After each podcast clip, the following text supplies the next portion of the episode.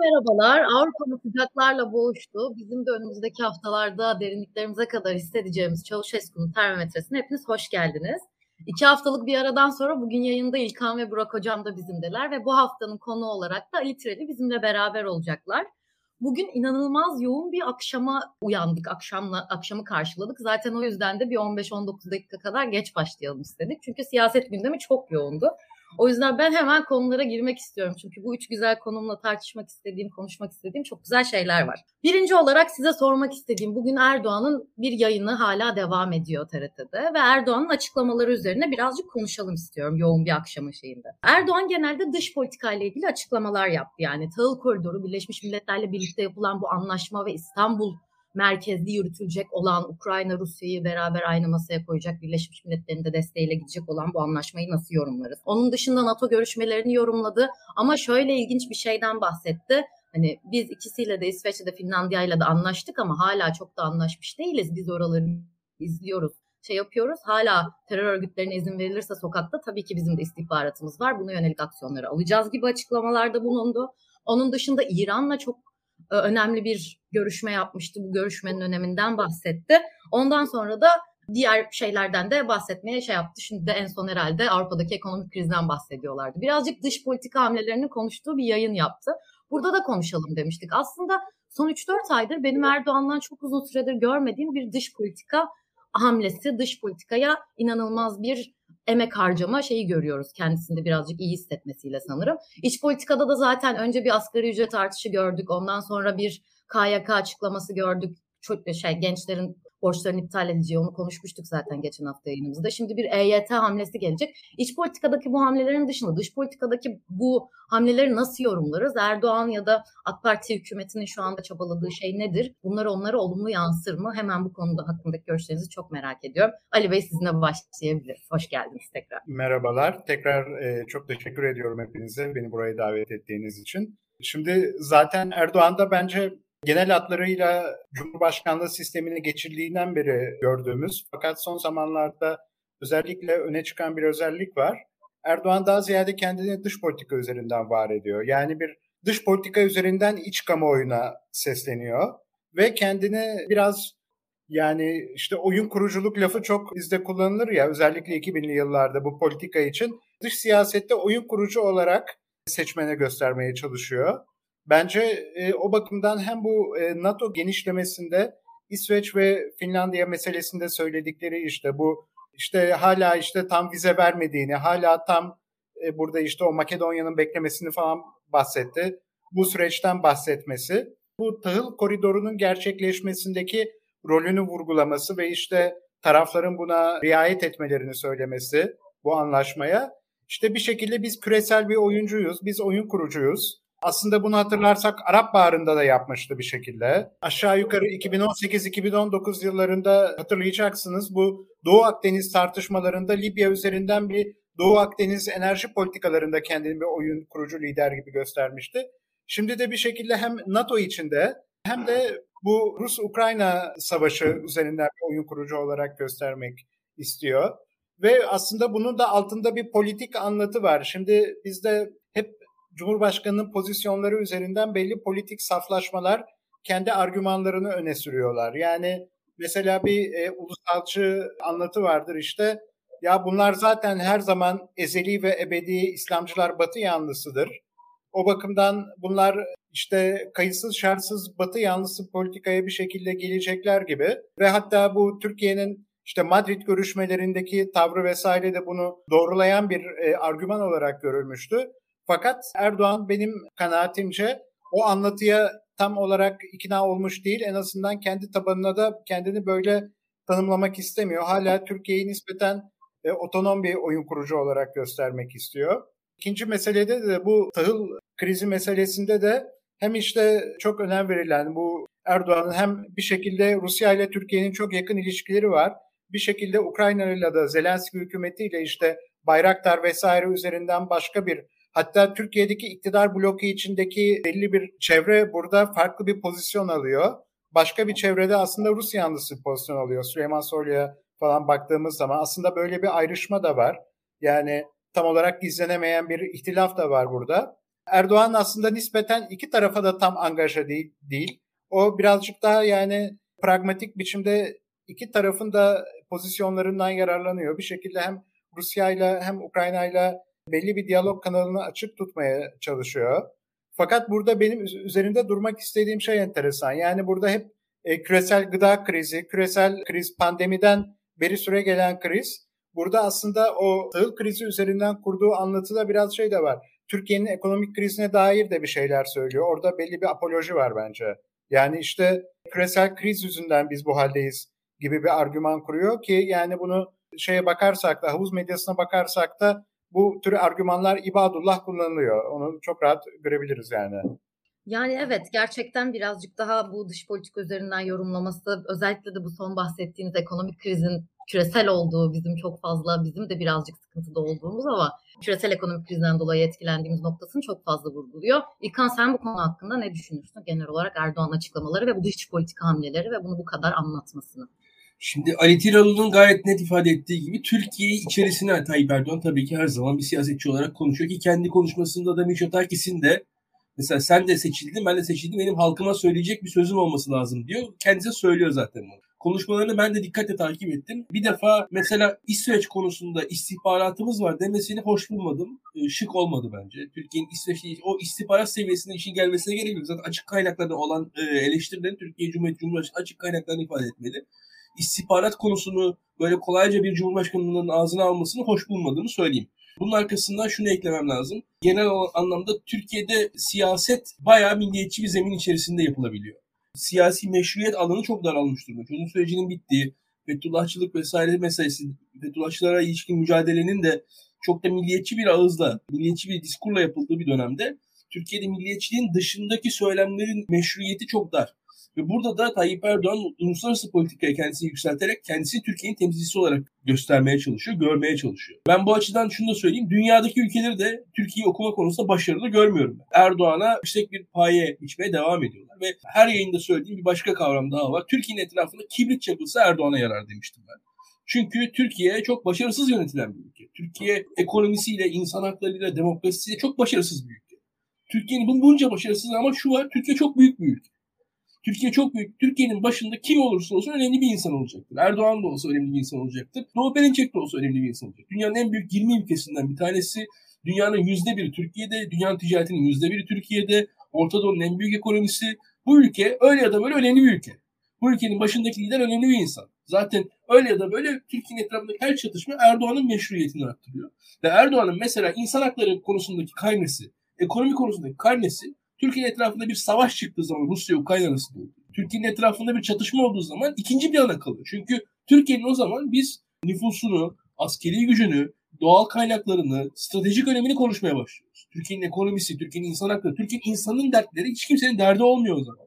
Ve Türkiye'nin etrafındaki bu meselelere geçildiği zaman da benim İlkan olarak, senin Pırıl olarak, olarak Ali Tiran'ın Ali Tiran olarak yaşadığı sıkıntılar insani sıkıntılar ikinci plana kalıyor. Biz oturuyoruz jeopolitika, jeostrateji falan konuşuyoruz. Şimdi bunlar konuşulduğu zaman aslında bakarsanız Erdoğan olmasa da Türkiye Orta en büyük ülkesi.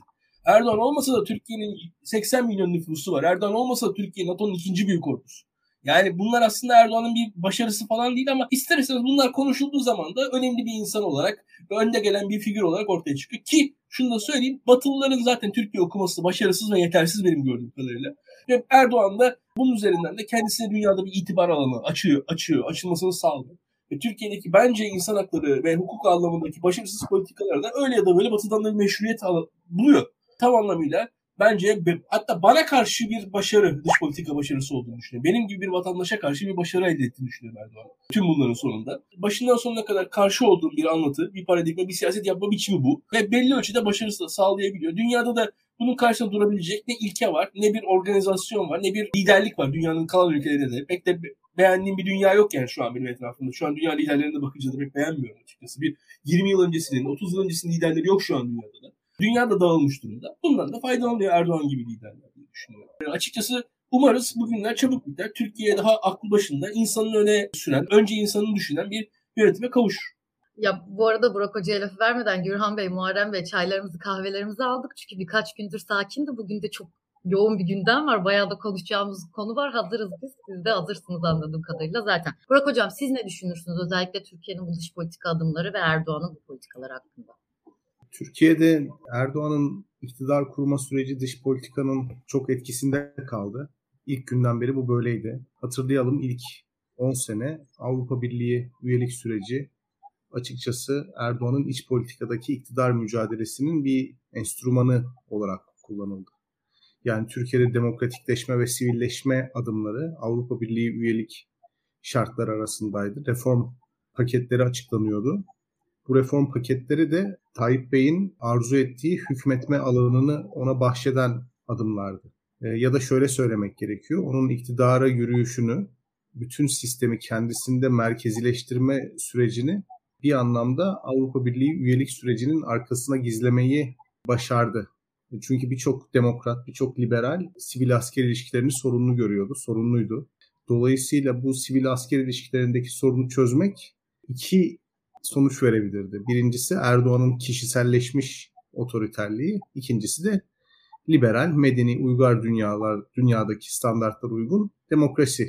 İkincisini vermedi bizde. Çünkü sadece askerlerin siyasete müdahalesini engellediğiniz zaman demokratikleşmiyorsunuz. O bir ön koşul değil. Demokrasinin daha başka, daha önemli ön koşulları var.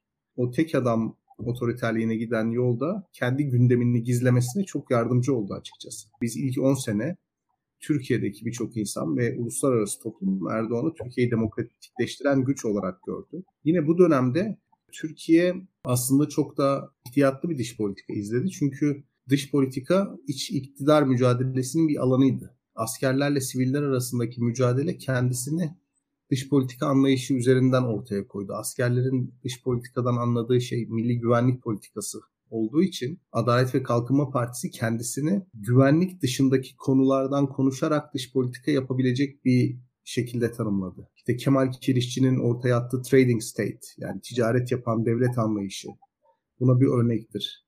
Yani sadece Orta Doğu'ya baktığı zaman güvenlik tehditleri görmeyen, aynı zamanda fırsatlar gören bir Türkiye meselesi. Dolayısıyla sadece terör örgütleri, askeri operasyonlardan ibaret bir dış politikadan ziyade karşılıklı ticari çıkarlar üzerine örgütlenmiş bir dış politika benimsendi. E bu da tevekkeli değil çünkü özellikle Irak meselesi Adalet ve Kalkınma Partisi ilk iktidara geldiği zaman çok önemli bir meseleydi. Irak'ın kuzeyinde otonom bir özel bir Kürt devletinin kurulması geleneksel olarak Türkiye'de toprak bütünlüğü endişesi yaratır. Yani Türkiye'de establishment'ın pek hoşlanmadığı bir şeydir bu. Dolayısıyla askerlerin oraya operasyon düzenlemeye çalışması sadece Türkiye'nin toprak bütünlüğü veya Irak'ın toprak bütünlüğüyle alakalı bir konu değil, aynı zamanda iç politikanın da militarize olmasını beraberinde getiren bir durum olacak. Dış politikanın militarize olmasını da istemeyen, çünkü içeride askerlere karşı kaybetmek istemeyen bir Adalet ve Kalkınma Partisi vardı. Bu sebepten ötürü de çok fazla güvenlikleştirme yoluna gitmedi. Yani güvenlik tehditlerini iç politikada bir iktidar kurma aracı olarak kullanmadı. Onun yerine Avrupa Birliği ile üyelik süreci müzakereleri, Orta Doğu'da da işte ticari konularda işbirliği gibi bir yola gidildi. Bu tabii aynı zamanda Amerika Birleşik Devletleri'nin bölgeye en aktif, en hırslı şekilde müdahale ettiği zamana tesadüf ediyor. 2003 senesindeki 1 Mart tezkeresi çok hayırlı bir işe vesile oldu. Türkiye kendi yakın çevresinde, bölgesinde dışarıdan bir gücün askeri operasyonlarına da katılmayan bir ülke olduğu için toplumlar nezdinde de aslında sempatiyle karşılandı. E, bunlar Adalet ve Kalkınma Partisi'nin ilk 10 senesinde açıkçası içeride de çok geniş bir koalisyon yaratmasına sebep oldu. Çok fazla insanı rahatsız etmeden ilerleyebildi. Çünkü Avrupa Birliği reformları insanlar tarafından hoş karşılanıyordu. Orta Doğu'ya baktığınız zaman sürekli olarak fırsatların gözükmesi, orayla ticaret yapılması, ekonominin bir şekilde Orta Doğu ile iş yaparak toparlanması, daha fazla refah üretmesi ve aynı zamanda Orta Doğu'daki çatışmalardan uzak durulması. Yani Amerika Birleşik Devletleri'nin Orta Doğu'da sopası olmamak. Bu Türkiye'yi hem Avrupa'nın bir parçası yapıyordu hem daha onurlu bir dış politika uyguluyor gibi gözüküyordu. Hem de işte Avrupa Birliği'ne üye olarak kendi iç sorunlarını da bir şekilde çözebilecek bir ülke olarak öne çıkıyordu. Fakat o dış politika bir tarafıyla böyleyken öteki tarafıyla da aynı zamanda Tayyip Erdoğan'ın iktidar yürüyüşünün de bir parçasıydı. Onu da söylemek lazım. sınır ötesi operasyonlara karşı çıkmak, Avrupa Birliği sürecini desteklemek aynı zamanda askerlerin müdahalesine karşı Tayyip Bey'in politika yapım alanını koruma çabası. Niye bunu bu kadar iddialı bir şekilde söylüyorum? Çünkü sonraki dönemlerde de her dış politika dönemi Tayyip Erdoğan'ın kendi iç politika ajandası için bir enstrümana dönüştü. Mesela Arap Baharı ilk patladığı zaman dünyada çok olumlu yorumlar oldu. Türkiye'nin oynayabileceği rolle ilgili. Gerçekten o dönemi takip etmiştim. Bir de makale yazdım. Hakikaten işte bu demokrasi tecrübesiyle Türkiye'nin Mısır'a, Tunus'a, Libya'ya örnek olabileceği söyleniyordu. Ve Türkiye bir rol oynayabilirdi. O dönemlerde Ahmet Davutoğlu'nun Inside Turkey'deki makalesi mesela çok e, önemli, çok da atıf aldı.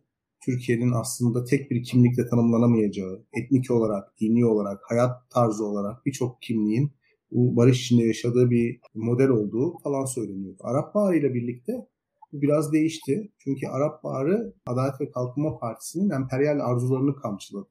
Yani Müslüman kardeşlere bağımlı, Müslüman kardeşlerle ilişkili partiler hızlı bir şekilde iktidara girince merkezi İstanbul'da olan işte Irak'ın kuzeyini, Suriye'yi, Filistin'i, belki Lübnan'ı, Ürdün'ü, Mısır'ı, Tunus'u, Libya'yı içine alan bir imparatorluk hayali açıkçası çok şu anda bize komik gelse de o dönem ciddi ciddi savunuluyordu. Adalet ve Kalkınma Partisi bürokrasisinde şu anda çok önemli görevlerde olan, benim de kişisel arkadaşlığımın olduğu insanların ben o dönem Twitter'a yazdığı şeyleri hakikaten unutamıyorum. Yani Ürdün'de ufak bir ayaklanma çıkınca nasıl heyecanlandıklarını, Orta Doğu'da oynayan her taşın AKP'nin hanesine artı olarak yazdığını düşündükleri bir dönem oldu. 2011-2012 dönemi. Hatta Obama ile Netanyahu arasında böyle biraz bir limoni bir şeyler olduğu zaman İsrail'i alıyoruz artık biz şeyimize yani kontrolümüze demeye başlamışlardı. Böyle bir Amerika İsrail arası bir mesele çıkınca hemen biz zaten Tunus'tan başlıyor. İşte oradan Hilal bir ucu Mısır'a kadar geliyor. Libya, Mısır. Diğer Ürdün, Türkiye, Suriye diğer taraf. Ortada İsrail var falan. Tabii tabii tabii. Bu yeni Osmanlıcılık hani boş bir laf değil. Bu gerçekten hayali kurulan bir şeydi. Bu tabii kaçınılmaz olarak da Türkiye'de toplumun nasıl tanımlanması gerektiğini de beraberinde getirdi. Yani muhafazakarlığın artması Türkiye'nin daha Müslüman, daha Orta Doğu'yla tarihi ilişkilerini hatırlayan, Orta Doğu ile onu yakınlaştıracak ortak kimlik vurgusunu yapmasına sebep olan iç politikanın dizayn edilmesi ve toplumun bir şekilde tasarlanması bu döneme tesadüf eder açıkçası. Çünkü Ahmet Davutoğlu'nun zaten stratejik derinlik dediği teorisinde güç tanımı buna dayanır. Yani sadece materyal güç değil aynı zamanda ortak tarih, ortak kimlik, ortak geçmiş. Bu tip konular önemli olduğu için toplumun nasıl tanınması dış politikanın da nasıl yürütüleceğini beraberinde getirir. Bu çok şaşırtıcı bir şey değil. Yani bugün mesela Lozan'ın yıl dönümündeyiz. Lozan Anlaşması da bence Türkiye'nin kimliğine çok katkıda bulunmuş bir anlaşmadır. Şimdi baktığınız zaman farklı bölgelerde işte misak-ı milli sınırı içerisinde yaşayan Müslümanlar var. Şimdi Türkiye'nin müzakere masasında burada hak iddia etmesi için oradaki çoğunluğu elinde tuttuğunu göstermesi lazım. Kendisini Müslüman olarak mı tanımlayacak, Türk olarak mı tanımlayacak meselesi orada çok ağırlık kazanıyor. Mesela Kerkük'te, Musul'da siz çoğunluğu nasıl tanımlarsınız? Yani eğer Türkiye Müslüman topluma sahip, kendisini İslami bir kimlikle tanımlayan bir devlet olsaydı çoğunluk Müslümanlardan oluştuğu için yani Kürtlerden ve Türkmenlerden oluştuğu için o bölgelerde çoğunluğun hamisi oluyordu. Ama kendisini Türk olarak tanımladığı zaman aslında bir azınlık grubunun hamisi şeklinde algılanıyor. O yüzden Lozan Anlaşması mesela bu konuya çok büyük bir netlik kazandırmış bir anlaşma. Yani Türkiye'nin hani bizim şu anda benimsediğimiz anlamda işte Türklük kavramı bence Lozan Anlaşması'yla da aslında çok alakalı bir şey. Yani dış politikadaki gelişmeler sizin iç politikayı, toplumunuzu, devletinizin kimliğini nasıl tanımladığınızla beraberinde getirir. İşte Abdülhamit dönemi imparatorluk politikasını bunu örnek verebiliriz açıkçası. Yani kraliçe ile karşılıklı muhatabiyet kurabilmek için aslında kendisini kendisinin halifelik ünvanını öne çıkartıyor ve bu halifelik meselesi aslında Osmanlı toprakları içerisinde yaşayan Hristiyanlar üzerinde nasıl diğer devletler söz sahibi olduklarını iddia ediyorlarsa İngiltere İmparatorluğu içerisinde yaşayan Müslümanlar adına da o söz sahibi olduğunu iddia ediyor. Bu aynı zamanda kimliği değiştiriyor. O yüzden Adalet ve Kalkınma Partisi de benzer bir patikada ilerledi.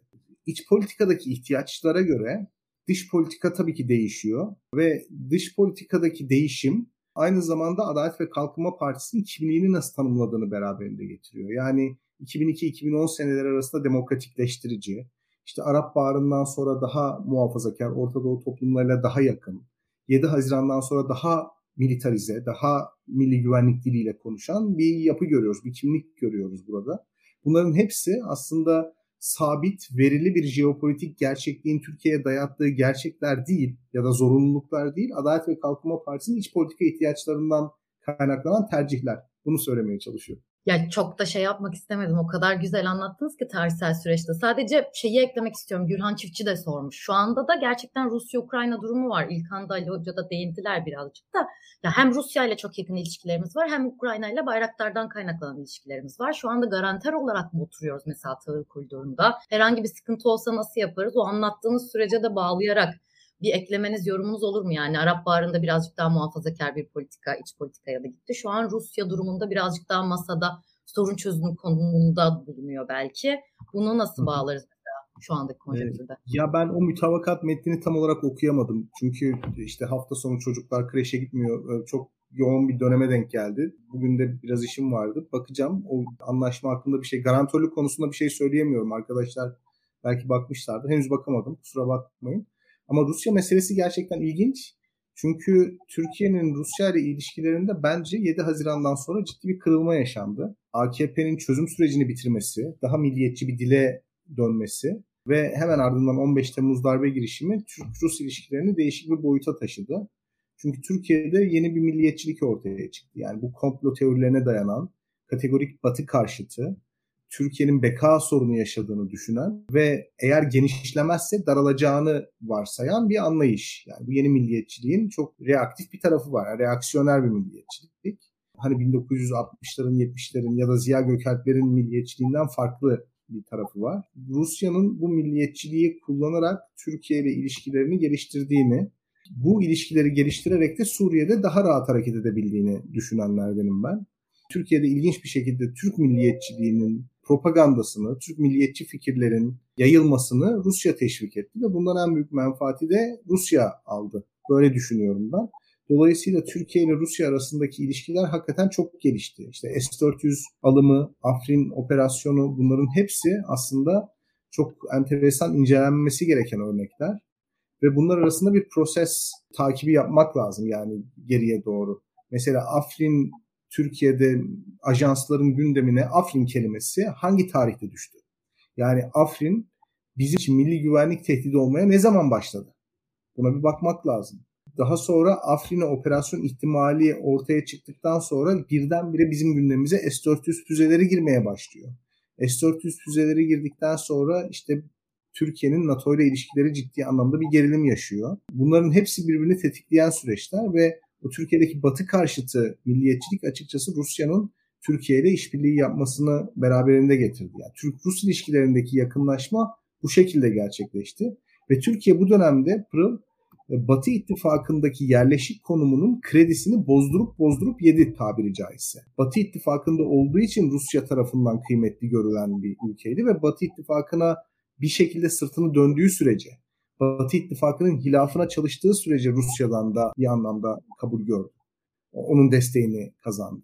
İlginç bir mesele var. Mesela benim son yazdığım Middle East Policy'de yayınlanan makalede yani bu son iki sene önceki Suriye operasyonu, Fırat'ın e, doğusunda yapılan operasyon tamamıyla Sputnik tarafından desteklenen, Sputnik'in Türkiye'nin ivedi bir şekilde bölgeye girmesini teşvik ettiği, emekli paşaların ciddi anlamda Türkiye'yi kısa zamanda zafere kavuşacağını düşündükleri fakat Türkiye'nin operasyonuyla beraber Amerikan askerlerinin bölgeden çekildiği onların yerine Rusya'nın ve Esad güçlerinin hakim olduğu bir durumu gösteriyor. Yani Rusya Türkiye aracılığıyla Amerika'yı bölgeden çıkartan ama bölgeyi de Türkiye'ye yar etmeyen bir konumda. Çok avantajını görüyor. O yüzden bu Rus-Türk ilişkileri hakikaten ilginç, incelenmeye değer ilişkiler. Türkiye'nin böyle bir ilişkisi var. Ukrayna Savaşı'yla beraber bunun değişeceği öngörülüyor. Bence değişecek. Yani çünkü Türkiye'nin jeopolitik konumu bu noktada çok önemli. Ve Türkiye ısrarla burada çok net bir tavır almaktan çekiniyor fark ederseniz. Ve çok boyutlu bir oyun oynamaya çalışıyor. Bu çok boyutlu oyun onu nereye kadar götürecek, nerede sıkıştıracak bilmiyoruz.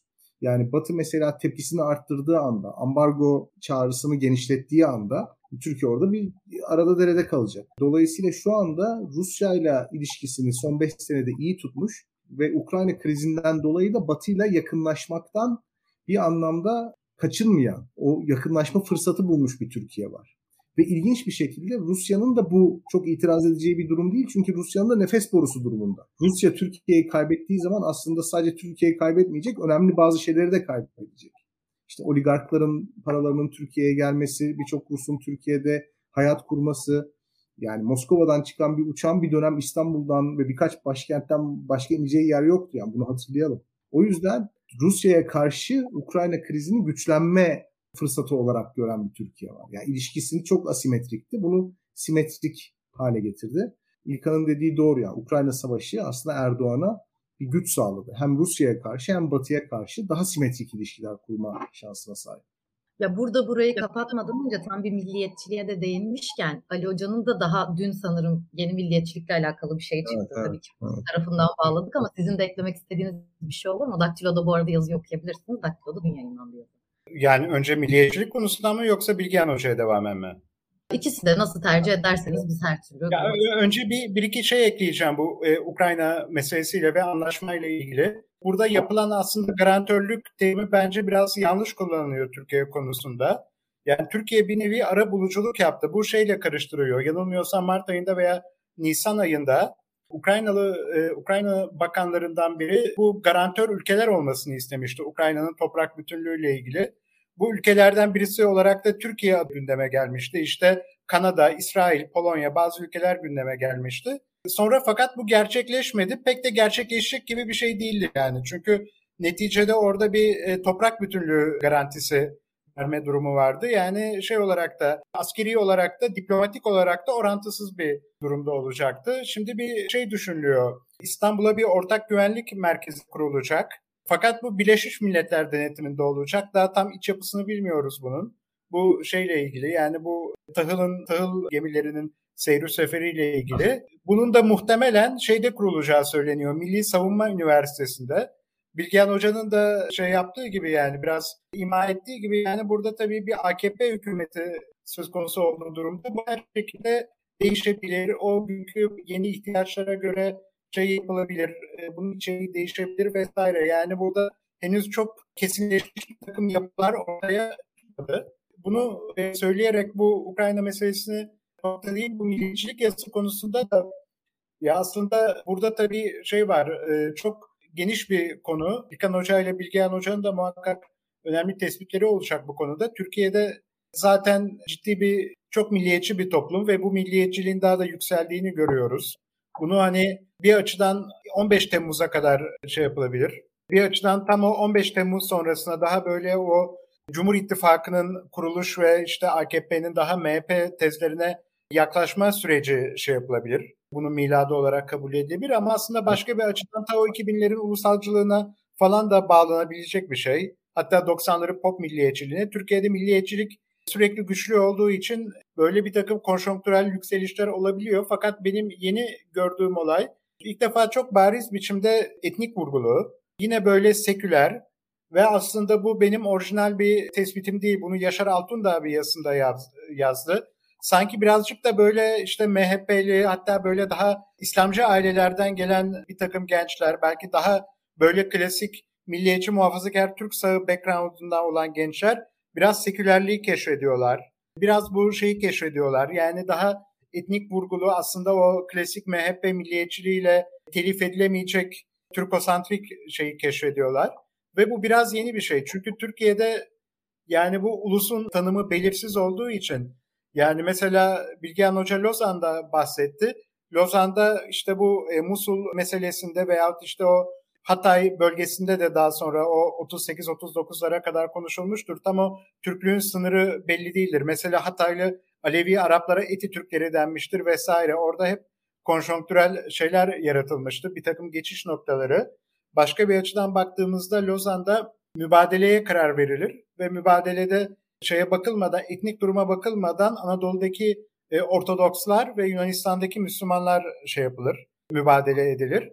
Ve aslında muhtemelen etnik olarak belki Grek saymamız gerekecek işte bir takım Giritliler veya işte Preveze Yanya bölgesindeki Grekofon Müslümanlar Türkiye'ye gelir ve pomaklar, çingeneler vesaire başka romanlar, başka unsurlar ve Türkiye'den de Türkçe ana dilli Karamanlılar Yunanistan'a gider. Yani burada Türk ulusu kategorisiyle o Türkçe konuşan Müslümanlar şeyi her zaman tam örtüşmüyor ki her zaman Türkçe konuşanları da kapsamıyor. Türkiye'de bu konuda bir berraklaşma oldu. Bence bunun birkaç sebebi var. Birincisi tabii Türkiye'de Kürt meselesinin çok büyük bir iz bırakması. Kürt meselesinin aslında yani geçmişte böyle o yumuşak hafif o Osmanlı'daki Müslüman milleti kavramından gelen işte şeyi bölmesi yani. Böyle neticede Kürtler etnik temelde ayrı bir şey olarak tasvir ediliyorlar burada. Bir Kürt milliyetçiliği zuhur ediyor.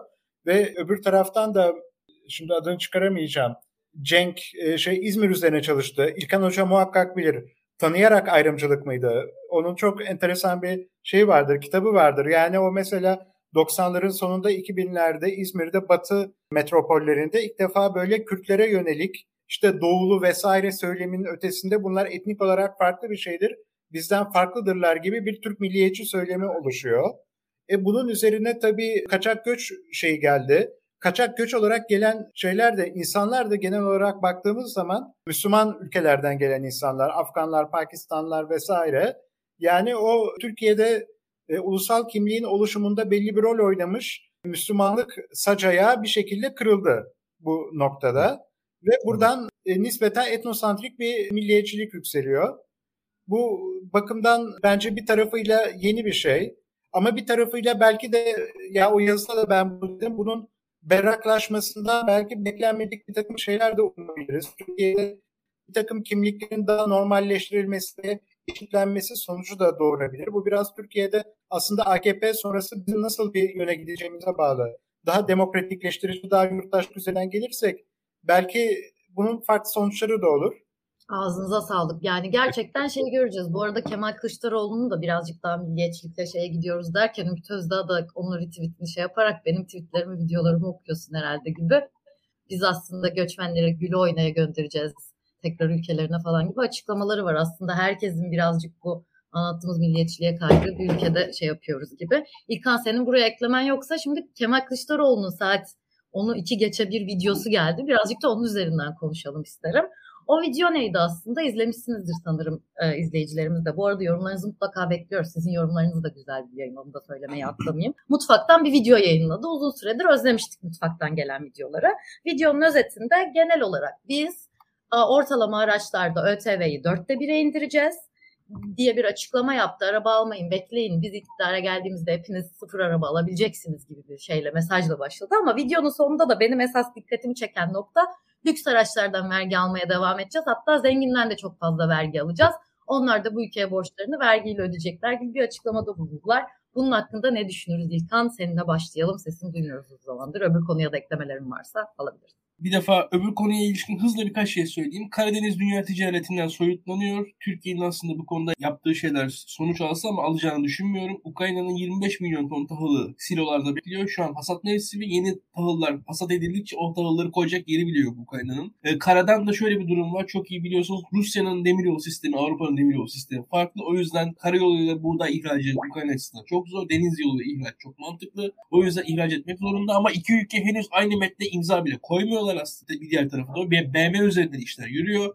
Farklı metinler imzalandı. İki ülke arasında bir de şöyle bir durum var. Rusya açısından da Karadeniz'e Ukrayna mayınlar döşüyor diyor. Ukrayna buna itiraz ediyor. Ya öyle bir o iş zor. Ne yazık ki zor şu anda. Karadeniz dünya ticaretinden soyutlanmaya devam edecektir. Türkiye bunun Karadeniz'in dünya ticaretine içine girmesini Türkiye ister. Çünkü bu Türkiye'yi de soyutlayan bir şey. Karadeniz'in dünya ticaretinin dışında kalması ne yazık ki. O iş kolay olmayacaktır. Umarım sonuç verir. Yani bu konuda da hani hükümetimizi destekliyoruz ama ne yapalım yani iş zor. Devam edelim. Kılıçdaroğlu'nun da şöyle bir şey var. Net bir şekilde adaylık sürecinin altını çizen bir açıklama oldu. Belli net bir vaat. Hep konuşuyoruz. Biz mesela ne diyorduk daha öncesinde? Türkiye'de işte altılı masa soyut şeyler konuşuyor, teorik şeyler konuşuyor diyorduk. Şu an çok somut, e, çok net, çok basit herkesin anlayabileceği, herkesin anlatabileceği, yarın 15 yaşındaki gençlerin konuşabilecekleri bir konuda e, çok da basit bir şekilde bir şey ifade edilmiş durumda Kılıçdaroğlu tarafından. Aslında ya bugün bakarsanız işte Kütahya'daki bir berber çırağının gayet yarın konuşabileceği bir konu hakkında Kılıçdaroğlu konuştu.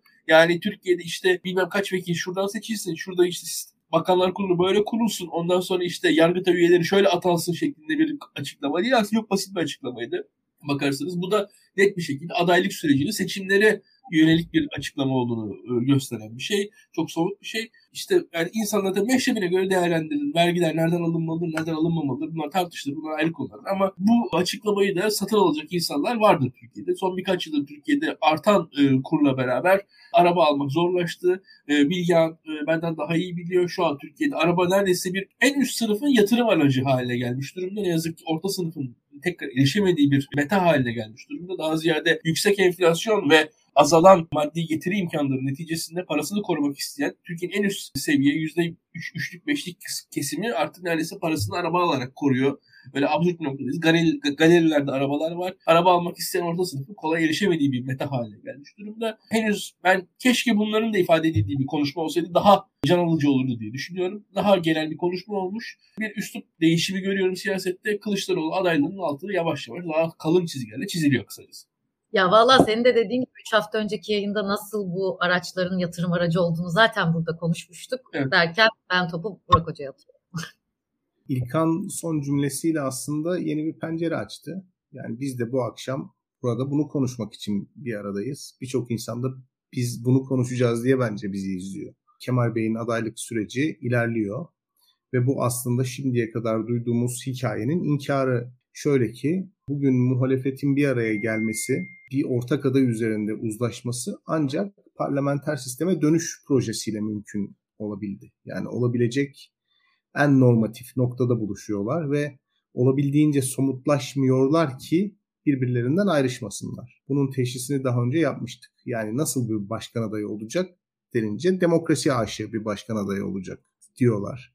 Amacımız da parlamenter sisteme geçmek diyorlar. Fakat Kemal Bey'in işte adaylık vaatleri, performansı, son zamanlarda kullandığı dil açıkçası çok net bir şekilde Kemal Bey'in de bir siyasetçi olduğunu, her siyasetçi gibi güç için savaştığını, güç ve çıkar meselesinde siyasetin doğasına içkin olduğunu söylüyor. Bir süredir ikinci bir Erdoğan korkusu üzerinden Ekrem İmamoğlu'nun adaylık şansını indirmeyi başardık. Yani Ekrem İmamoğlu'nun adaylığını artık konuşmuyoruz.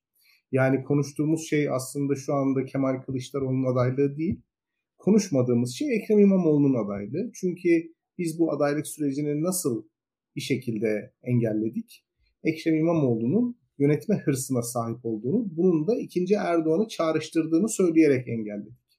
Dolayısıyla artık muhalefetin gündeminde Ekrem İmamoğlu gibi bir ihtimal yok. E, bu ihtimalin olmaması yani Ekrem İmamoğlu'nun iddialı bir siyasetçi olarak istenmemesi beraberinde aslında başkan adayının karizmasının, kişiliğinin, vaatlerinin, siyasi enerjisinin, güç şehvetinin çok önemli olmadığı, daha bilge, daha demokrat, daha nefsini aşmış öyle diyelim bir adaya yönelmemizi beraberinde getirecekti ki getirdi. Yani Kemal Bey'in adaylık sürecinin önü açılmış oldu. Ancak dediğim gibi son dönemlerde kullanılan dil aslında bunun böyle olmadığını gösteriyor. Böyle de olamaz zaten. Böyle de olmaması gerekir zaten. Çünkü siyasetçiler hepimize özgürlük bahşedecek peygamberler değillerdir. Siyasetçilerin bir ajandaları vardır, bir kariyer hesapları vardır, güç arzuları vardır. Bunun için siyasetçidirler zaten. Yani ben niçin siyasetçi değilim? Çünkü kalabalıktan hoşlanmıyorum. Çünkü insanlarla hiyerarşik ilişki kurmak istemiyorum. Çünkü birçok insanı dinlemeye tahammülüm yok. Bu yüzden ben siyasetçi değilim mesela. Ama siyasetçiler zor bir işi başarırlar. Birçok insanla muhatap olurlar. Aptalca birçok fikri anlayışla karşılamak zorundadırlar. Birçok insanın kaynak aktarmasını sağlamak durumundadırlar. Kaynak derken sadece para olarak anlaşılmasın bu. Birçok insanın vaktini talep ederler. Ve bunun karşılığında da onlara bir ihtimalin ucunu gösterirler. O da o ihtimalle iktidardır. Dolayısıyla siyasetçilerin bir ülkeyi demokratikleştirmek için ellerinde asayla gökten zuhur ettiğini düşünmek çok hatalı olur. O yüzden Kemal Bey'in son zamanlarda ısrarla birinci tekil şahısla neler yapacağını söylemesini ben garip karşılamıyorum. Normal karşılıyorum. Ancak garip karşıladığım şey aynı gerekçelerle Ekrem İmamoğlu'nun adaylık sürecinin sonlandırılırken Kemal Bey'in oturtulduğu o yüce Olimpos Dağı'nın tepesindeki dağdan yavaş yavaş inip kendisinin de bir siyasetçi gibi somut vaatlerde bulunması. Biz başkandan hemen derhal parlamenter sisteme geçmesini mi bekliyoruz? Eğer böyle bir şey bekliyorsak ikinci el otomobildeki ÖTV vergisinden bize ne? Gerçekten bize ne? Eğer böyle bir şey bekliyorsak işte Beşli Çete'nin işte ne bileyim bir sürü şu bu dönemdeki sıkıntılı meselenin çözümünden başkana ne? Ya eğer başkan bunları çözecekse bize çıkıp diyecek ki ben 5 sene bu ülkeyi idare etmek istiyorum. Yürütme erkini istiyorum. Bunu yapabilecek kadrolarım, yol haritam, hırsım, enerjim var. Ve biz de öyle bir başkan adayına yönelelim. Ha ben bunları yapmayacağım. Benim tek amacım demokrasi aşığı birisi olarak parlamenter sisteme geçmek diyorsa niçin ülkeyi nasıl yöneteceğine dair bir yol haritası açıklıyor. Bu konuda benim açıkçası kafam çok karışık. Üstelik bu yol haritası, bu yapılacak eylemler üzerine acaba altı partinin bir mütabakatı var mı? Yani yürütme erkinde bu diğer partilerin yerlerini almalarını sağlayacak mekanizma nedir? Ya da bu diğer altı parti neye güvenerek, nasıl bir güvenceye, nasıl bir teminata bel bağlayarak bu ittifakın içerisine girecekler? Çünkü bildiğiniz üzere başkanlık sistemi aslında tek bir kişinin dilediği gibi ülkeyi yönetebilmesi için geliştirilmiş bir sistem. Ve bu tek kişinin Tayyip Erdoğan olduğu düşünülüyordu. Şimdi Tayyip Erdoğan'ın yerine başka bir kişinin gelmesi yine tek bir kişinin dilediği gibi herhangi bir kuruma hesap vermeden ülkeyi yönetmesi anlamına geliyor. O yüzden o diğer müttefiklere olan bağlılık ya da diğer müttefiklerin, diğer koalisyon ortaklarının beklentilerini karşılama zorunluluğunu teminat altına alan şey nedir? Onu da bilmiyorum. Dolayısıyla Kemal Bey'in vaatlerine karşı diğer masa üyelerinin ne tepki verdiğini de bilmiyoruz açıkçası. Böyle bir siyasetsizlik haliyle de karşı karşıyayız. Şimdi bugün bakıyoruz Saadet Partisi İstanbul Sözleşmesi'ni eleştiriyor. Ali Babacan açıklama yapıyor. Parlamenter sistem dışında bir şekilde üzerinde uzlaştığımız hiçbir şey yok diyor. Baktığımız zaman altılı masanın somut olarak bizim önümüze koyduğu bir şey yok ve biz şu anda bütün muhalefet olarak Cumhuriyet Halk Partisi genel merkezinin bir anlamda geliştirdiği söylemin, politikanın destekçisi olmak durumundayız. Bu biraz garip değil mi? Yani eğer somut bir program bizi korkutuyor idiyse, eğer somut bir programla ortaya çıkan, ülkeyi yönetmek isteyen bir lider adayına biz ikinci Erdoğan geliyor, biz zaten birincisinden zor kurtulduk, ikincisini istemiyoruz diye itiraz ettiysek, şimdi bu elimizde bulduğumuz şey nedir? Bunu gerçekten açıklamakta zorlanıyorum. Biraz fazla kitabın ortasından konuştum ama bu geçişi de yapmamız lazım. Ya birazcık tabii ki bugün Altılı Masa'da konuşmak istediğimiz şeylerden de Altılı Masa ne yapıyor şu anda? Altılı Masa nelerde uzlaştı? Hala bizim aylardır sorduğumuz sabit sorumuz. Ali Hocam siz ne düşünürsünüz? Aslında bugün İsmail Saymaz'ın otel konuşmasından sonra da Ekrem İmamoğlu'nun adaylığının kesin rafa kalktığı, Kemal Kılıçdaroğlu'nun kesin aday olduğu şey yapılıyordu ama bugünkü videodan sonra sanırım biz bu yayında da Kılıçdaroğlu'nun adaylığına kesin gözüyle bakıyoruz gibi anlıyorum. Siz ne düşünüyorsunuz şu anda? Bence ben de yani %90 Kemal Bey'in aday olacağını düşünüyorum. Ya bunu aslında biraz şey gibi düşünmek lazım. Yani bir tarafta altılı masa konfigürasyonu var. Ama zaten eğer Kemal Bey aday olacaksa da bir şekilde bu altılı masadaki en azından liderlerin olurunu almak durumunda. Orada nispeten Kemal Bey'in adaylığın üzerinde bir uzlaşma var. Bunu açıkça söyleyen Gültekin Uysal oldu benim gördüğüm en açık şekilde. E, ama Temel Bey de Saadet Partisi'nden bunu şey yaptı. Belki diğer e, liderler henüz biraz daha çekimser bakıyorlar buna. E, bu da anlaşılır bir şey ve bence zaten o altılı masadaki kararın olmaması yüzde yüz değil yüzde doksan dememizin sebebi Kemal Bey'in adaylığı için. Çünkü orada Türkiye'de hakikaten siyasette yani birkaç günde her şey değişebiliyor. Yani bu tür şeyleri de hazır olmak lazım. Oradan başka bir konfigürasyon da belki çıkabilir. Bunu bir tarafa koyalım. Bence aslında ben başka bir zaviyeden fakat aslında Bilgehan Hoca'nın da dediği şeyle ilgili bir şey söyleyeceğim. Bence aslında böyle bir stratejiye gidilmesi daha olumlu. Cumhurbaşkanı adayının söylemi açısından. Çünkü zaten hep eleştirilen şuydu. Böyle çok idari e, reformla işte nasıl güçlendirilmiş parlamenter sisteme geçileceğiyle ilgili çok detaylı yorumlar. Yani hakikaten de kitlelerin pek ilgisini çekmiyorlardı. Burada bence derinleşen ekonomik krizden de mütevellit. Tabii burada CHP'nin sosyal demokratik kökleri de, kökler demeyelim de yani sosyal demokrat bir parti olarak 65'ten beri aldığı pozisyon gereği burada çok uygun bir maden bulundu. Ve hakikaten sahadaki arkadaşlarla görüşüyoruz. Yani CHP'de bir hareketlilik var. Tıpkı İyi Parti gibi. Zaten asıl bu altılı masada sahada hızlı ilerleyen partiler bu ikisi. Bunu da şey yapmak lazım. Kabul etmek lazım. Yani bunu anketlerden bağımsız olarak söylüyorum. Biraz hani o şeyle ilgili hakikaten e, bir heyecan yarat durumu var. Fakat Kemal Bey'in adaylığı bir şekilde buradaki uzlaşmadan çıkmak durumunda. Zaten bir şekilde uzlaşma olmadan bir şey empoze edilmesi, adayın empoze edilmesi ya altılı masanın dağılmasına yol açar. Yani bunda artık böyle bir risk var. Bunu kabul etmeliyiz. Her şeye rağmen var. Yani aslında bu Sayın Babacan'ın bu işte Davutoğlu'nun kendisine yaptığı ittifak teklifiyle ilgili sözü bence işte biz bunu 21 kişi olarak reddettik diyor. Ama aslında orada vurgu reddetmesi değil bakın böyle böyle bir şey de var diyor. Yani demek ki böyle bir alternatif de masada diyor. Bunu da göz önünde bulundurmak lazım. Ben onun sadece Deva Partisi'nin altılı masaya sadakati açısından söylenmiş bir söz olduğunu düşünmüyorum. Biraz bu taraftan da okumak lazım. Zaten bir noktada şey dışında bu parlamenter sisteme geçiş dışında da ya altılı masadaki bazı paydaşları aynı çizgide tutmak imkansız. Yani İstanbul Sözleşmesi meselesini ele alalım. Yani burada bir tarafta işte CHP, İyi Parti, Demokrat Parti, Deva Gelecek var. Bir tarafta Saadet var ve o beş partiyle bir parti arasında uzlaşmaz bir çelişki var. Saadet yani belli ki asla desteklemeyecek İstanbul Sözleşmesi'nin yeniden şey yapılmasını. O yüzden altılı masanın ortak bir programı, ortak bir beyannamesi vesaire olursa asla İstanbul Sözleşmesi olmayacak muhtemelen bunda. Bir muhalefet şerhi olacak Saadet'ten. Tabii biz bu metinlerin de nasıl kaleme alınacağını da tam bilemiyoruz. Bu konuda bir yol haritasının da oluştuğunu zannetmiyorum ben. Fakat böyle bir mesele var ve bir, bir şekilde şeyle ilgili yani bu Kemal Bey'in adaylığının da hakikaten gerçekleşecek olması o altılı masanın altı paydaşın desteğini bekliyor ve bu olacak mı olmayacak mı yani göreceğiz. Ve başka bir mesele daha var onu da ekleyeyim. Yani bu sürekli anketlerden üzerinden konuşuyoruz.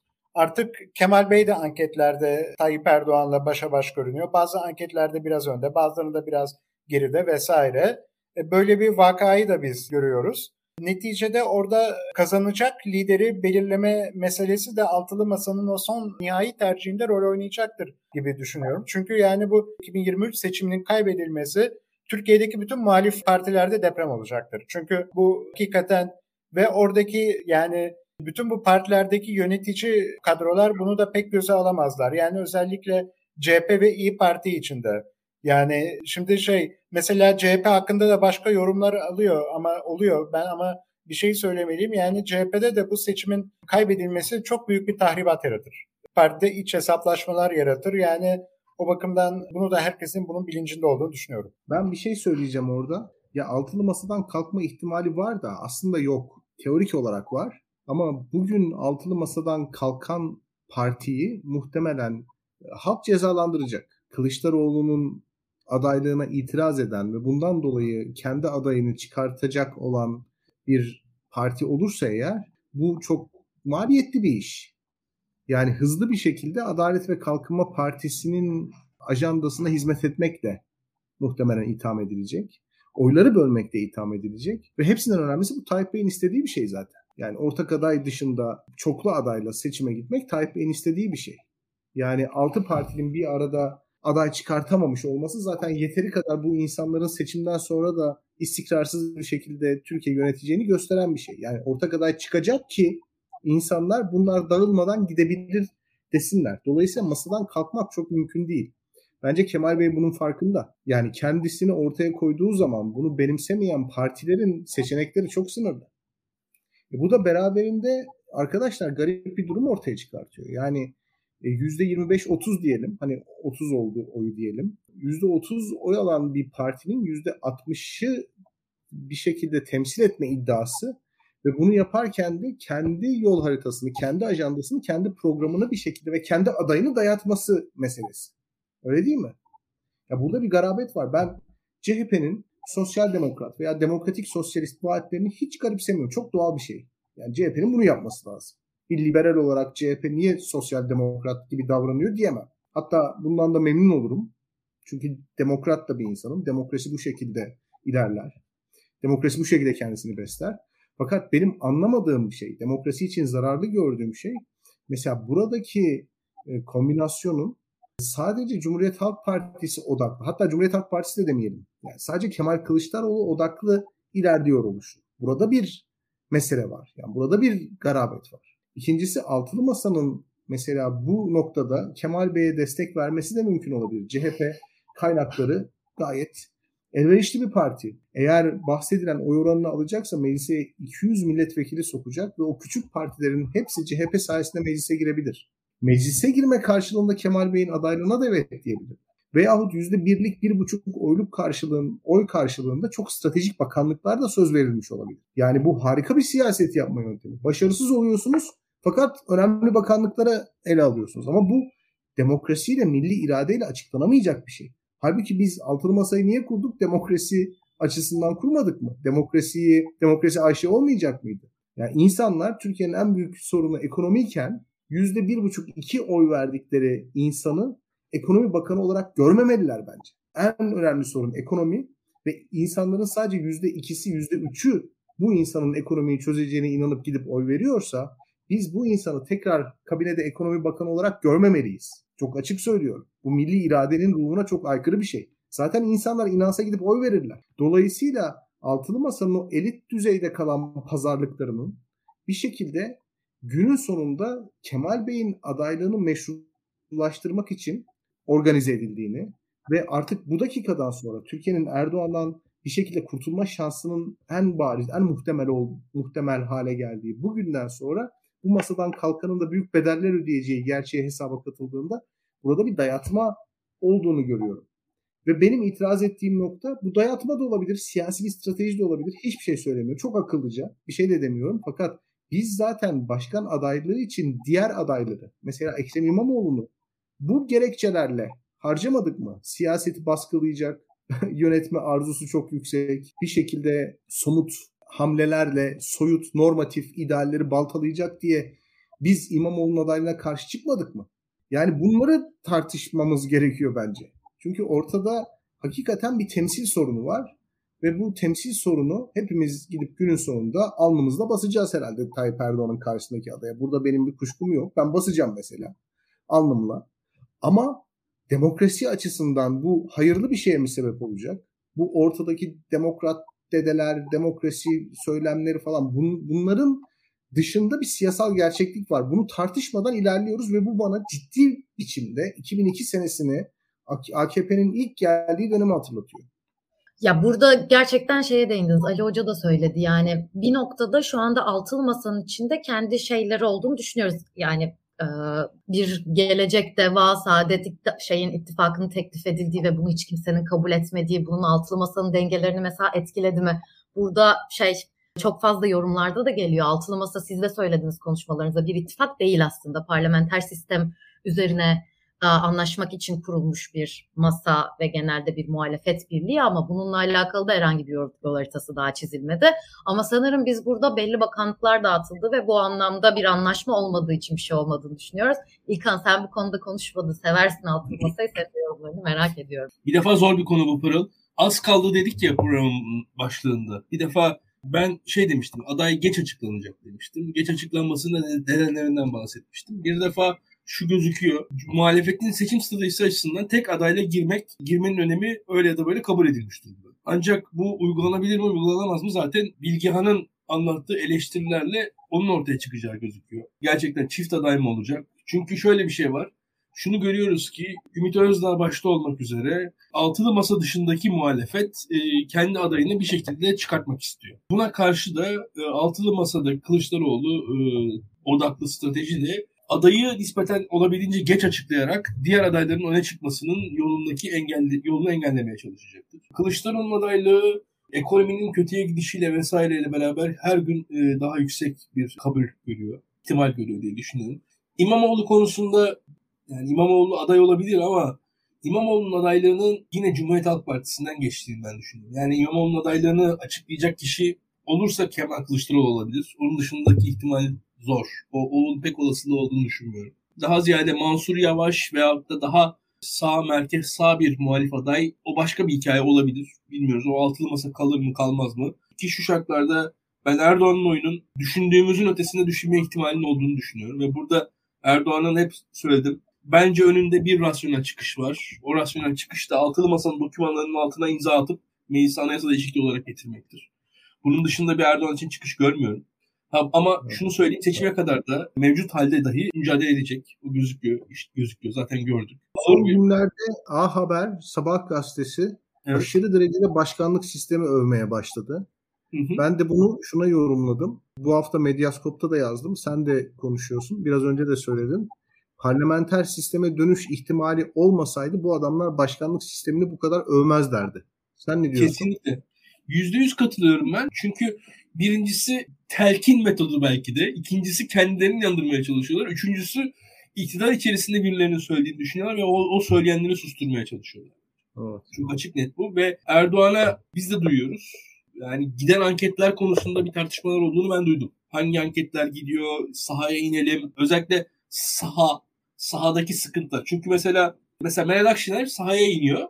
Yani mesela Rize'de işte kavga çıkıyor. Atıyorum bir yerde bir esnafla tartışıyor. AKP'lilerle ve HDP'lilerle arasında bir şeyler oluyor. Çünkü yani bir defa Akşener sahada yani. Sonuçta Adalet ve Kalkınma Partisi hatırlıyorsan en son bir Malatya'da sahadaydı Tayyip Erdoğan. Ve şaşırdı. Bu, bu kadarı olur mu falan dedi yani. Vatandaşla birebir temasının olduğu anlar az şu an Tayyip Erdoğan. Ve kampanya sürecinde sahayla temas arttıkça Erdoğan'ın algısıyla realite arasındaki fark biraz biraz daha farkına varıyor şu anda. Ben onu seziyorum. Bir kısmı kulis, bir kısmı sezgi şu anda ben bunu görüyorum. Ve burada aslında parlamenter sistem olasılığını her an arttırıyor. Çok net bir şekilde. Çünkü Tayyip Erdoğan etrafında bir hale var ve o halede yarı imana dayalı neredeyse bir inanç var. Tayyip Erdoğan ne yapar ne eder halleder. Yani ben, ya şöyle bir şey var Bilgehan yani parlamento seçimini biz kaybederiz ama Cumhurbaşkanı alırız diyorlar. Anketlere baktığımızda tam tersi ihtimal daha yüksek. Parlamentoda daha yüksek şansı var esasında. Doğru. Çünkü don sistemiyle, oy dağılımıyla, küçük illerde Adalet ve Kalkınma gücüyle falan parlamentoda esasında daha yüksek kazanma ihtimalleri. Başkanlık sistemini kazanma ihtimalleri daha düşük. Ama Adalet ve Kalkınma Partisi içerisinden birinciye bildiğim bilgi ya böyle Tayyip Erdoğan'ın yakın danışman seviyesinde insanlar diyorlar ki biz parlamentoyu kaybettik ama başkanlığı alırız.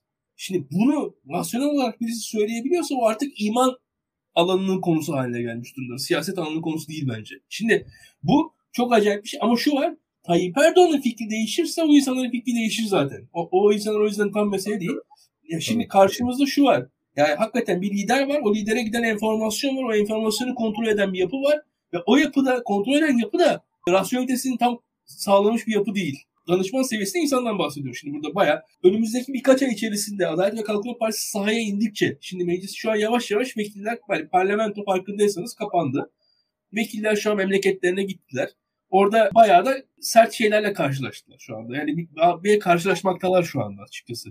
Ve ilk defa birazcık daha o Ankara'da yaşanan benden daha iyi biliyorsun işte makam arabaları, eskortlar evet. falan filan derken ilk defa böyle 2-3 gün arka arkaya bakkala giden bir vekil olmuştur. Bunun etkisi olacaktır diye tahmin ediyorum. Ya biraz realiteyi, yani toplumdaki yükselen öfkeyi görecekler orada. Bunun bir etkisi olur mu olmaz mı tam emin değilim. Yani önümüzde bir bilinmeyen var. Ve şunu söyleyeyim yani Kılıçdaroğlu adaylığı falan konusunda da erken seçim kararı alınırsa başka bir senaryo var. Erken seçim kararı alınmazsa başka bir senaryo var bu e, anayasa değişikliği olursa başka bir senaryo var diye düşünüyorum ve altılı masaya da dışarıdan çok sert saldırılar olacak. Dışarıdan derken muhalefet içerisinde olan ve dışarıda olan kesimler. Yani eğri oturalım doğru konuşalım bir Ümit Özdağ figürü var. Orada daha bir sertlik. O sürekli karıştırmaya devam edecek durumu. Ve Kılıçdaroğlu'nun da kendisini direkt e, antagonizmini oradan kurmaya başladı. Bugün de gördük tweetini falan. Yani hani doğrudan Kılıçdaroğlu'na hedef oluyor. Ve orada da Kılıçdaroğlu adaylığını adaylığının antitezi olarak kendisini öne sürecektir diye, diye düşünüyorum ben muhalefet adına. Öyle bir anti Kılıçdaroğlu bir muhalif figür olarak kendisini yükseltecek o, o gözüküyor. Bunun karşısında da başka şeyler de olabilir mi? Bence olabilir ama yani sonuçta şöyle söyleyeyim. Bence de bir, bir yandan şunu da söylemem lazım. Cumhuriyet Halk Partisi de hakikaten güçlü parti. Yani belediyeler var, kanallar var, medya var falan. Ya hakikaten şunu söyleyeyim. Kılıçdaroğlu 5 yıl öncesine göre güçlü. Yani bir de onun etkisi var. Şimdi kafamızdaki o genel herkesin 2010 yılında, 2011 yılında oluşturduğu Kılıçdaroğlu imajındaki o Kılıçdaroğlu değil yani şu an karşımızdaki insan. Belki hala aynı insan ama hakim olduğu güç daha fazla. Onun etkisi olacaktır diye düşünüyorum. Bilinmezler çok. E, bu bilinmezleri de muhtemelen önümüzdeki haftalarda farklı anketler karşımıza gelecek. Belki anket konuşacağız. Ve bakanlıklar falan dedin. Ya burada belki de şu var hani Cumhurbaşkanı adaylığı kadar bu mekanizmanın da konuşulması lazım. Yani bu bakanlar kim olacak? Ya ben evet. mesela Cumhuriyet Halk Partisi'nde şeyi duydum. Elimdeki tek somut veri şu. milletvekilliği olan insanlar bakan olmayacaklar. Çünkü bizim vekillere ihtiyacımız çok güzel. Şimdi bunun devamında kimler bakan olacak? En azından şöyle öyle ya da böyle şu insanlar bakan olacak. Yani ehil insanlar mı? Kimler? Becerikli insanlar, siyasetçiler mi? Şu an bakanlar kimler olacak? Nasıl? Yani tamam hani Ali Veli falan değil ama nasıl bir persona, nasıl bir e, figür, nasıl bir CV sahibi insanlar bakan olacaklar? Hangi İlkan, partilerden? Bu e, seçim döneminde milletvekilliği listesine yazılmayanlar küserler ya biraz moralleri Evet. bozulur. Şimdi bu, bu durumda aslında çok Evet. iyi bir şey bu. Mesela adamı milletvekili listesine yazmıyorsun adam umutlanıyor. Acaba beni bakan yapacak için mi? Ya şu an Kılıçdaroğlu için bulunmaz değil mi? Zaten şey, benden daha iyi biliyoruz. Ali zaten bizden daha da iyi bilir. Yani Her e, aday açıklandığında CHP'de deprem falan olur böyle. CHP'de bir deprem olur? Şimdi o, deprem muhtemelen daha küçük bir deprem olacak muhtemelen. Hani aday listeleri falan. CHP'de de o deprem olan illeri, ilçeleri hep CHP alır. CHP'de Muğla'da bir deprem olur ama gene Cumhuriyet CHP alır. Yani CHP'de Tekirdağ deprem gene Tekirdağ alır. E şimdi belli olmaz. Yani yine depremler olacaktır. Kılıçdaroğlu'nun bakanlar kurulunun da en azından şöyle bizim bakanlar kurulunda konuşmamız gerekiyor. Onun da adının konması gerekiyor. E, Cumhurbaşkanı yardımcısı yardımcısı figürü şunu da eklemem lazım. Ben benim şu sistemde, mevcut sistemdeki en eleştirdiğim konu şuydu. Cumhurbaşkanı yardımcısı Amerikan sisteminin başkanlık sistemi en iyi olduğu yer. Evet. En Amerikan sistemindeki olay başkan yardımcısıdır aslında birazcık da. Başkan yardımcısı ve Trump meselesinde de orada gördük hatırlıyorsun başkan yardımcısının önemini falan. Ya Türkiye'de başkan yardımcısı figürü başkanlık sistemine geçildiği anda yok edildi. Tayyip Erdoğan'ın şahsi karizmasıyla beraber yani o kadar önemsiz bir insan olsun ki başkan yardımcısı. Hiç kimse tanımasın. Daha da az kişi bilsin. Olabilecek düşük profil düşük profil başkan yardımcısı seçildi özellikle. O da Tayyip Erdoğan'ın biricikliğini, Tayyip Erdoğan özelliğini, hususiliğinin altını çizmek içindi. Aslında şu anda o başkan yardımcısı figürünün hem yetkiler açısından, hem etkiler açısından, hem kişilik açısından, karizma açısından büyüyeceği bir sistem. Onun da biraz konuşulması gerekir diye düşünüyorum. Ve hani e, senin anlattığın sorunları da çözme ihtimali olacak bir şey olabilir diye düşünüyorum. O başkan yardımcısı figürü. Çünkü şu anki mevcut başkan yardımcısı sistemi ya şöyle söyleyeyim şu anki sistem bence en kötü noktası başkan yardımcısı. Ama tabii şöyle Tayyip Erdoğan kendisini kendi riskli gördüğü için bir değiştirilebilir bir figür. Yerine geçilebilir. E, sonuçta başkan Amerika'da başkan değiştirilebilir. Başkan yardımcısı başkan olabilir. Tayyip Erdoğan kendisi yerine başkan olabilir bir, bir birisinin olduğu bir sistemi öngöremediği için tabii reddetti bunu o sistem tartışmaları sırasında. Şu an aslında geleceğe dair, dair parlamenter sisteme şu anki mevcut sistemden dönüşü sağlayacak ara aşama güçlü başkan yardımcılarının olduğu bir aşama olabilir. Yani o da o da önemli olarak yani şu sonuçta bir ara aşama olacak. Şu anki mevcut tek adam sisteminden parlamenter sisteme geçişte oradaki katalizörün başkan yardımcısı, yardımcılarının olabileceğini düşünüyorum. Evet, senin yine demek istediğin gerçekten parlamenter sistemin yol haritasının belirlenmesi noktasına çıkıyor. Çünkü şu yine her yayında da diyoruz ya ortada adayı belli olmayan bir seçimde şu an yine koltuk ölçtürmeye çalıştığımız bir şeydeyiz. Ali Hocam sanırım sizin eklemek istediğiniz bir şey var. Çok küçük ekledikten sonra son sorumuzu sorup ufaktan kapatmak istiyorum. İki tane küçük nokta ekleyeceğim. Yine bu İlkan Hoca da bahsetti. Erken seçim vesaire meselesiyle ilgili. Şimdi bu anayasa şeyde seçim kanunu değişikliği yapıldı. Bizim anayasanın 67. maddesine göre yanılmıyorsam şimdi bir yıl süre geçmesi gerekiyor. Yani yeni yapılan değiştirilmiş sistemle seçime gidilmesi için yanlış hesaplamıyorsam 7 Nisan 2023 tarihinden sonra yapılması gerekiyor bu seçimin. Bu bakımdan yani bir erken seçim olursa hakikaten bu ittifak listelerinin 2018'de kullanıldığı haliyle ve %10 barajla mı seçime gitmek isterler yoksa %7 barajla ve bu tuhaf ittifak sistemiyle mi? İttifakta görünüp aslında oyların toplanmadığı partiler arasında falan sistemiyle mi? Yani bu bilmiyorum ama bu değişiklik yapıldıysa bence Nisan'dan sonra giderler. Yani erken bir seçim olursa da 1-2 ay erken olur gibi düşünüyorum. Benim kanaatim bu. Ya ikincisi bir de bu Mansur Bey'in, Mansur Yavaş Bey'in işte adaylık meselesinden bahsedildi. Orada da hep unutuyoruz. Aslında Yavaş ismi çok daha böyle şeyken yani hem sosyal medyada insanlar arasında hem nispeten kulislerde çok daha fazla konuşulurken onu bir şekilde engelleyen ve önünü kesen de şey oldu. Ümit Özdağ oldu. Yani Ümit Özdağ o Mansur Yavaş çıkışını yapmasaydı bugün Mansur Yavaş hala çok e, muhtemel adaylardan biri olacaktı. Yani böyle bence o Mansur Yavaş çıkışını yani işte o milliyetçi görüşünden ötürü Sayın Özdağ Sayın Yavaş'ı istiyor diye izah etmek yani kimse kusura bakmasın bence hiç saftilik olur yani. Bu e, bilinçli bir şeydi, hamleydi. Ve hakikaten ya zaten bunların hepsi şimdi aşağı yukarı düşünüyorum işte bir hafta sonu e, Sayın İmamoğlu'nun da Trabzon gezisi aynı hafta sonuydu. Birkaç gün arayla oldu bütün bunlar. Yani orada bir şekilde şey oldu yani Kemal Bey'i daha da şey olarak daha da kendisine itiraz olmadan öne çıkaran o süreç oldu.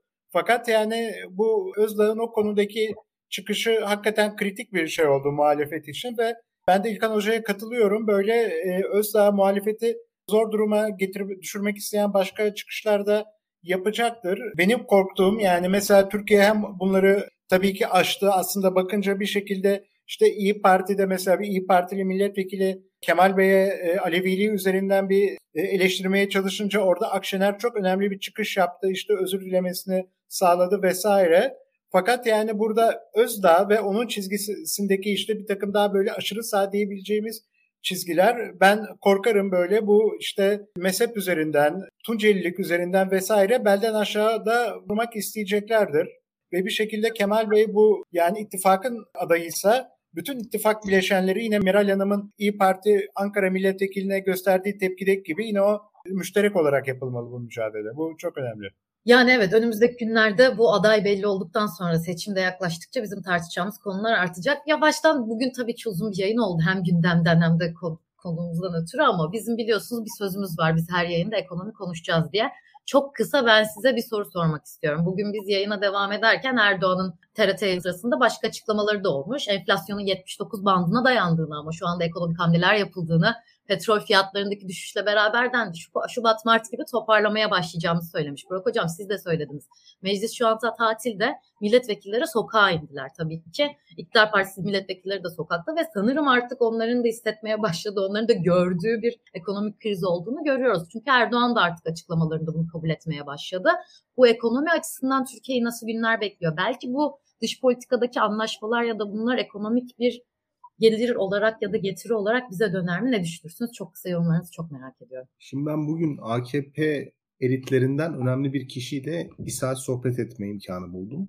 Şimdi İlkan'ın söylediği gibi bu iktidara yakın kişilerde reis bir şekilde halleder psikolojisi var ve ekonomik krizin de para bulunduğu zaman çözüleceğini zannediyorlar. Paranın bulunacağını söyledi. 50-55 milyar dolar. Ben de ona meselenin para olmadığını, meselenin ciddi bir güven krizi olduğunu söyledim. Para bularak çözebileceğimiz bir kriz yok ortada. Yeni bir hikaye oluşturmamız gerekiyor. Yani bugün ev fiyatlarının, otomobil fiyatlarının bir şekilde insanların ulaşabileceği seviyelerin üzerine çıkmasının sebebi aslında bir ciddi bir güven krizi. Yani insanların geleceğe yönelik bir plan yapamama krizi. Ya da bugün enflasyon dediğimiz bir olguyla karşı karşıyaysak insanlar hızlı bir şekilde Türk lirasından kaçıyorlar ve bunu 50-55 milyar dolar para bulduğunuz zaman belki bir ay falan kapatabiliyorsunuz ama bu eğilimi durduramıyorsunuz. Bu eğilimin sonuçlarını makyajlıyorsunuz sadece.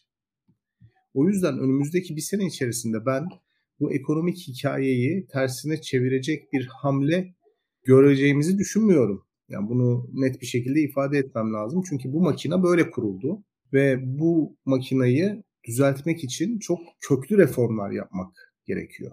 Mehmet Şimşek'i getirip ekonominin başına oturtmak da çözülmüyor. Mehmet Şimşek'e otonom bir alan vermek lazım. Merkez Bankası Başkanı'nın 5 sene görevden alınmayacağına dair bir kanun çıkartılması lazım. Mesela ya bu tip reform ama Adalet ve Kalkınma Partisi yapısı bu tip özel alanları Cumhurbaşkanı Erdoğan'a yapılacak bir ihanetin zemini olarak algıladıkları için asla buna izin vermiyor. Asla ve kata. Ve üstelik Ekonomi Bakanlığı yapmış Berat Albayrak mesela işte bir başarısızlık anıldığı için onun etrafındaki, onun kontrolündeki medya başarılı olan herhangi bir ekonomi bakanına da içten bir kin duyma eğilimi içerisinde yani. Hani herkes başarısız olsun ki bu başarısızlık ortaya çıkmasın gibi. O yüzden krizi AKP'nin halen daha algılayamadığı kanaatindeyim. Yani para bulduğu zaman çözecek gibi bir yaklaşımla ele alıyorlar.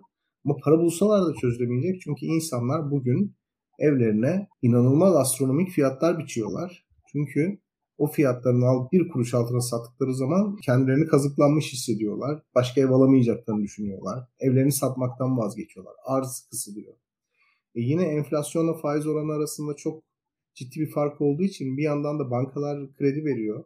Krediyi de geri ödeme gücü olan insanlar aldığı için varlıklı insanlar yeni mallar edinmek için hepimizin vergileriyle kredi kullanıyorlar.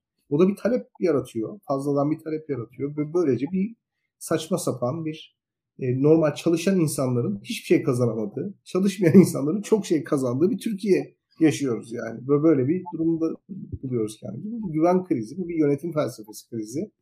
Yani Suudi Arabistan'dan, Rusya'dan, Katar'dan 50 milyar dolar para geldi öyle çözdük. Krizi değil bu onu söylemek lazım. O 50 milyar dolar bazı kişilerin krizini çözebilir. Açık söyleyeyim yani. Bir küçük bir azınlığın krizini çözebilir. Ama toplumun genel olarak krizini çözmek için reform yapmak lazım ve bu bedava aslında. Yani öyle sağdan soldan para istemeye gerek yok. Çok maliyetsiz meseleler bunlar ama tabii bu gerçeklikte AKP ne zaman barışacak bilmiyorum. Yani evet yorumlarda da Güran Çiftçi demiş yeni planımız tabur ekonomisi. Bu dışarıdan gelecek yatırımla herhangi parayla çözülebilecek bir durumda değil. İlk diyecek bir şeyin olur mu buna? Tabii ki bir defa hızlı söyleyeyim. Mesela Adalet ve Kalkınma Partisi ilk yılında ne yaşanmıştı? Irak tezkeresi reddedilmişti. Herkes ekonomi battı demişti ondan sonra. Tam tersine. Aslında doğru düzgün politika yürütürseniz dışarıdan para gelmesine falan gerek yok bunlara. O açıdan Bilgehan çok haklı. Devam edeyim o paranın da geleceğine ben inanmıyorum. Ve ekonomi enflasyon çok ciddi bir mesele. Türkiye enflasyonun ciddiyetinin farkında hala değil. Hele hele bu 50 milyar dolarla e, enflasyon çözeceğiz falan bu iş böyle kolay değil. Enflasyonun birkaç tane arkasındaki arkasında faktörler var. Bunlardan bir tanesi petrol fiyatları vesaire. Bu petrol fiyatları durulsa dahi Türkiye'de enflasyonun şu an bir ataleti var. Bu atalet de ancak bir yönetim felsefesi değişimiyle Bilgehan'ın çok doğru olarak ifade ettiği gibi çözülebilir.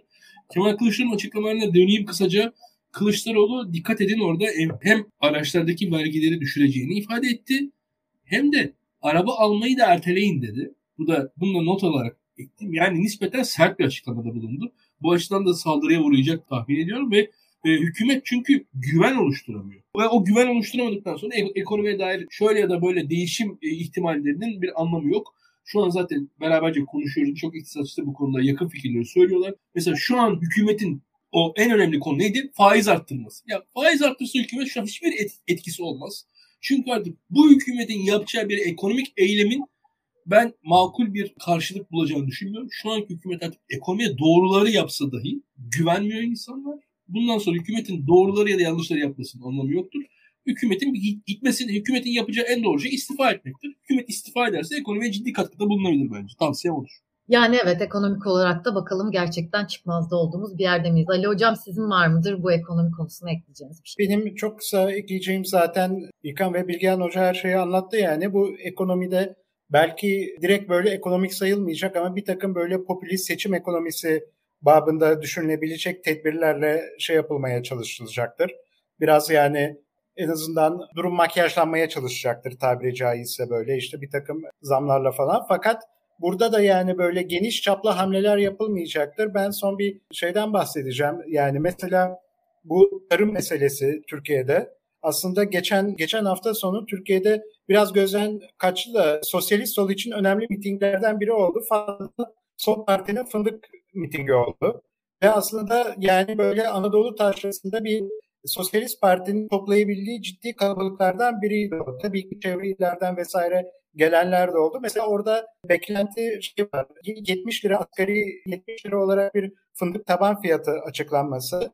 Fakat mesela şu anda genel beklenti işte 48 lira 50 lira falan civarı gibi bir şey açıklanması. Mesela şimdi de şey deniyor. Bu cuma günü Erdoğan Giresun'a gidecek. Orada fındık fiyatını açıklayacak. Mesela aslında orada açıklayacağı fındık fiyatı üzerinden bile şeyi biz popülizmin dozunun ne olabileceğini kestirebiliriz gibi düşünüyoruz. Çünkü orada ne bileyim işte 50 lira açıklaması başka bir şey, 48 lira açıklaması başka bir şey, işte 55 lira falan açıklaması ayrı bir şey. Bu açıklanan yani aslında 70 liradan aşağı hiçbir e, şeyin açıklanacak taban fiyatın işte fındık e, üreticisinin sorunlarını gidermesinin şeyi yok, imkanı yok. Fakat AKP'nin tabii bir Karadeniz network'ünü üzerine oturduğu yüzden oturması yüzünden kendini çok kuvvetli hissettiği bir bölge. Fakat şey var orada da alttan alta bir rahatsızlık var.